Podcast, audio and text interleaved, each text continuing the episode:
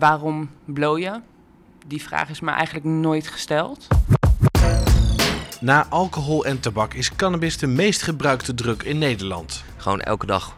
We stonden op, we bloden, we gingen naar bed, eh, we bloden totdat we naar bed gingen. Eigenlijk de hele dag, ja. ja. Maar al dat blowen kan flinke problemen geven. Als je gevoelig bent uh, daarvoor, dan kan je bijvoorbeeld uh, ernstige stoornissen zoals uh, schizofrenie ontwikkelen. Dus de seconde dat je dan niet bloot, ga je in één keer wel meer angsten voelen. je hebt meer moeite met eten, je kan minder goed slapen. Dus het is juist, je gaat dan blowen om gewoon normaal te blijven, zeg maar. In deze podcast van het Trimbos Instituut onderzoek ik voor alle jeugdprofessionals hoe je met cannabisgebruik om kan gaan. En ik zou heel graag in mijn ideale wereld wensen voor jongeren dat als ze zich uh, onzeker voelen of ze hebben trauma's die ze willen dempen en ze gaan daardoor blowen, dat ze hierover in gesprek mogen gaan. En dat ze daardoor ook in staat gesteld worden om daar langzaamaan onder begeleiding op een liefdevolle manier wat aan te doen.